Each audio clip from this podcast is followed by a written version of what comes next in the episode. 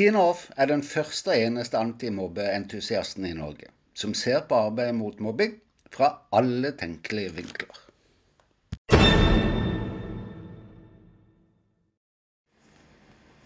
Hva er det med mobbesaker som gjør at vi yrkesutøvere slettes ikke ser innover mot egen praksis, men heller leter og jakter etter svar og årsaker utenfor oss sjøl i mobbesaker? Det er et mysterium for meg, ikke minst når vi snakker om lærere og skoleledere, som i utgangspunktet jo er lærere, fordi de har et glimrende arbeidsredskap å kunne ta i bruk. Klart vi kan snakke om det. Velkommen til episode fire i sesong to. La meg få lov til å advare om at det blir en del lærerprat i dag. Men til foreldre og FAU-er som hører på, har jeg lansert et gratis verktøy til foreldre ved avdekking av mobbing. Altså et startverktøy. Her deler jeg tips og ideer, eksempler og konkrete verktøy til de første seks skrittene i prosessen. Heftet kalles Støtteboken for foreldre når mobbing avdekkes, og kan finnes i alle mine sosiale kanaler og på nettsida mi som heter hoffutvikling.no. Til FAU er heftet aktuelt til informasjonsbanken som jeg anbefaler at ethvert FAU har, og kan gis til foreldre i den vanskelige situasjonen. Men tilbake til det vi skal snakke om i dag. Hva er grunnen til at det er så spennende å være lærer?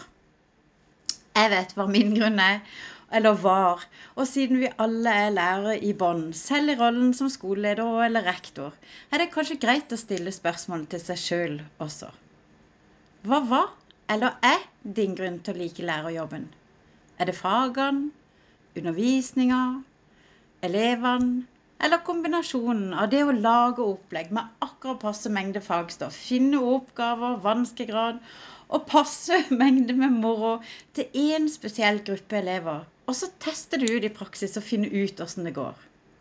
Og så, kanskje allerede på vei fra klasserommet til kontorplassen igjen etter timen, gjør vi oss opp de første refleksjonene om timen som er over. Hvilke deler som fungerte bedre enn forventa, hva som knirker og trenger forbedring, og hva som må tas tak i til neste gang. Skjer det ikke på automatikken? Jeg tenker det bare kommer. Med en gang en går ut, reflekterer over hva som har skjedd, og så slipper vi de tankene igjen. Legger det fra oss Akkurat som vi legger fra oss bøkene på kontorpulten. Omstiller oss til ny gruppe, nytt opplegg, nytt fag kanskje. Henter bøkene som trengs, kanskje kopierer noen sider på veien, og så går rett inn i et neste klasserom og tester ut noe nytt. Tankene, refleksjonene, de henter vi jo opp igjen først når dagens undervisning er over. I hvert fall var det sånn jeg gjorde. Og da nærmer vi oss dagens poeng. Vi evaluerer jo våre planer, hvordan de har fungert, og setter spørsmålstegn ved eget arbeid. Selv om vi kanskje ikke skriver ned alle planene våre i sånn plan for timen-opplegg som vi gjorde da vi var nyutdanna, så bruker vi det jo aktivt. Fordi vi har automatisert hvordan, vi, hvordan det funker gjennom en time, og hvordan vi skal legge det opp, og hva som funker for oss.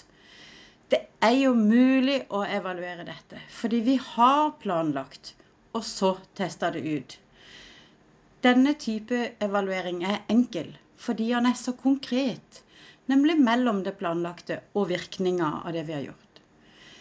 Det er denne evalueringa som jeg så sårt savner i mobbesaker. Vi kan det jo, det er en del av jobben vår. Om vi fortsatt er lærere eller er i skoleledelsen eller har andre roller i utdanningssektoren, det er dette verktøyet som ligger i bånn hos oss. Det er vårt håndverk. Det som gjør at vi hele tiden utvikler oss og blir bedre. Både i egen yrkesutøvelse og i tilpasningen av stoff og opplegg til grupper osv. Og det er et enkelt svar på hvorfor vi ikke benytter dette i mobbesaker, tenker jeg da mens lærere får et større og større repertoar av undervisningsmetoder etter hvert som erfaringa øker. ikke sant? Antallet elevgrupper stiger, altså hvor mange klasser vi har hatt opp igjennom. Så er det ingen tilsvarende utviklingstempo når det gjelder mobbing og mobbesaker.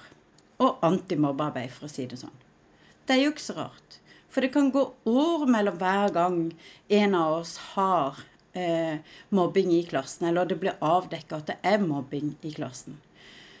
Det kan tilsi at vi får en falsk følelse av at det vi gjør når vi skaper miljø, og når vi holder på i klassen og Ja. At det fungerer i seg sjøl. Og så, når mobbing avdekkes, så slår alle plikter og ansvar og spørsmål og åssen i all verden skal gjøre dette, ned i læreren som en bombe. Nei da, det trenger ikke å se slik ut. Men jammen møter jeg mange lærere og rektorer som vippes helt av pinnen når de møtes av fagfolk som kjenner både lærer og rektorers oppgaver og plikter. Ja, jeg tenker på sånne som meg.